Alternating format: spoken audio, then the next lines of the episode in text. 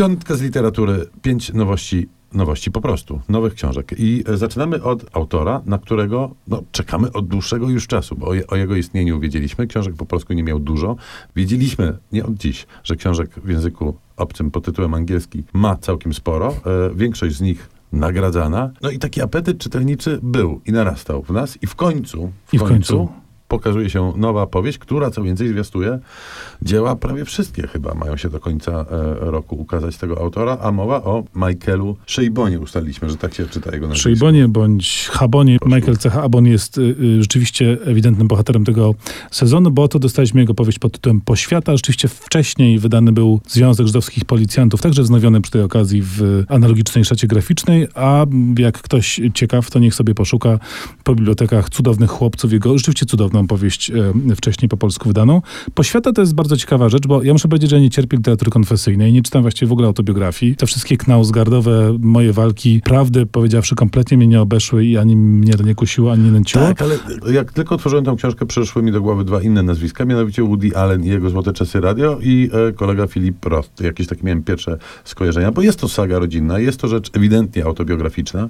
Ale ewidentnie skłamana. Znaczy, ale jest to to dość poważne. Z całą pewnością jest, to, jest tam masa zmyślenia. Nie dowiemy się nigdy, gdzie do końca przebiega linia między zmyśleniem a, a prawdą. Ja myślę, że zmyślenia jest tam jednak więcej. W każdym razie historia jest niesamowita i punktem wyjścia jest zapowiedź dziadka, który no, tuż przed śmiercią zaczyna opowiadać o swojej przeszłości. Okazuje się, że był bardzo uwikłany w program badań rakietowych, że podczas... Tak, cała masa kosmicznych rzeczy tu w tle Tak, podczas II wojny światowej szukał von Brauna, odpowiedzialnego za niemiecki, nazistowski program e, rakietowy. Spotyka go i w ogóle jest w to wszystko zaangażowany, a przy okazji przeżywa mnóstwo niezwykłych przygód również i później. Na przykład ten wątek z wężem w ogrodzie jest absolutnie kapitalny i jest doskonale spuentowany. Y, Babka również jest postacią no, bardzo dramatyczną i przejmującą. Strasznie dużo tam się dzieje i czytamy to z mocno zapartym tchem, wciąż sobie łamiąc głowę, panie Michael, gdzie pan nas nabrał, a gdzie nie? No to duża przyjemność, taka czysto fabularna. Rzeczywiście duża przyjemność. W wypadku drugiej książki, którą dla Państwa dziś przygotowaliśmy, tego dylematu, gdzie prawda, a gdzie fałsz nie ma, bo zakładamy, że wszystko jest prawdą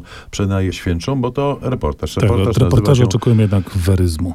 Tak, kwiaty w pudełku, Japonia oczami kobiet. Rzecz, muszę powiedzieć, przejmująca, dojmująca i otwierająca oczy na tą Japonię, o której istnieniu jakoś tam wiemy. Wiemy, że Japonia jest dziwna, że jest pokręcona, że jest trochę kosmicznym krajem, innym od wszystkich innych i wiemy, że kobietom dawniej wiodło się najlepiej i pewnie wiecie w dalszym ciągu dość dziwacznie. Natomiast skala tej dziwaczności jest, myślę sobie, dla większości z nas kompletnie obca i nieznana. Karolina Bednarz ją punktuje i rozlicza Japonię i japońską kobietę i japońskiego mężczyznę przede wszystkim.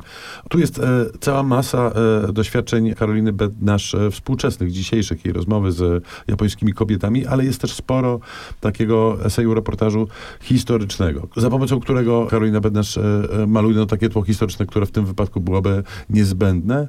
I jest to rzeczywiście taka Japonia dla średnio zaawansowanych, gdzie kluczem do zrozumienia tego kraju okazuje się być właśnie kobieta. Do nowości wrócimy po krótkiej przerwie muzycznej. To nie będzie muzyka japońska. Na razie tylko kosmiczne nawią- nawiązanie do programów rakietowych Interstellar i Hans Zimmer.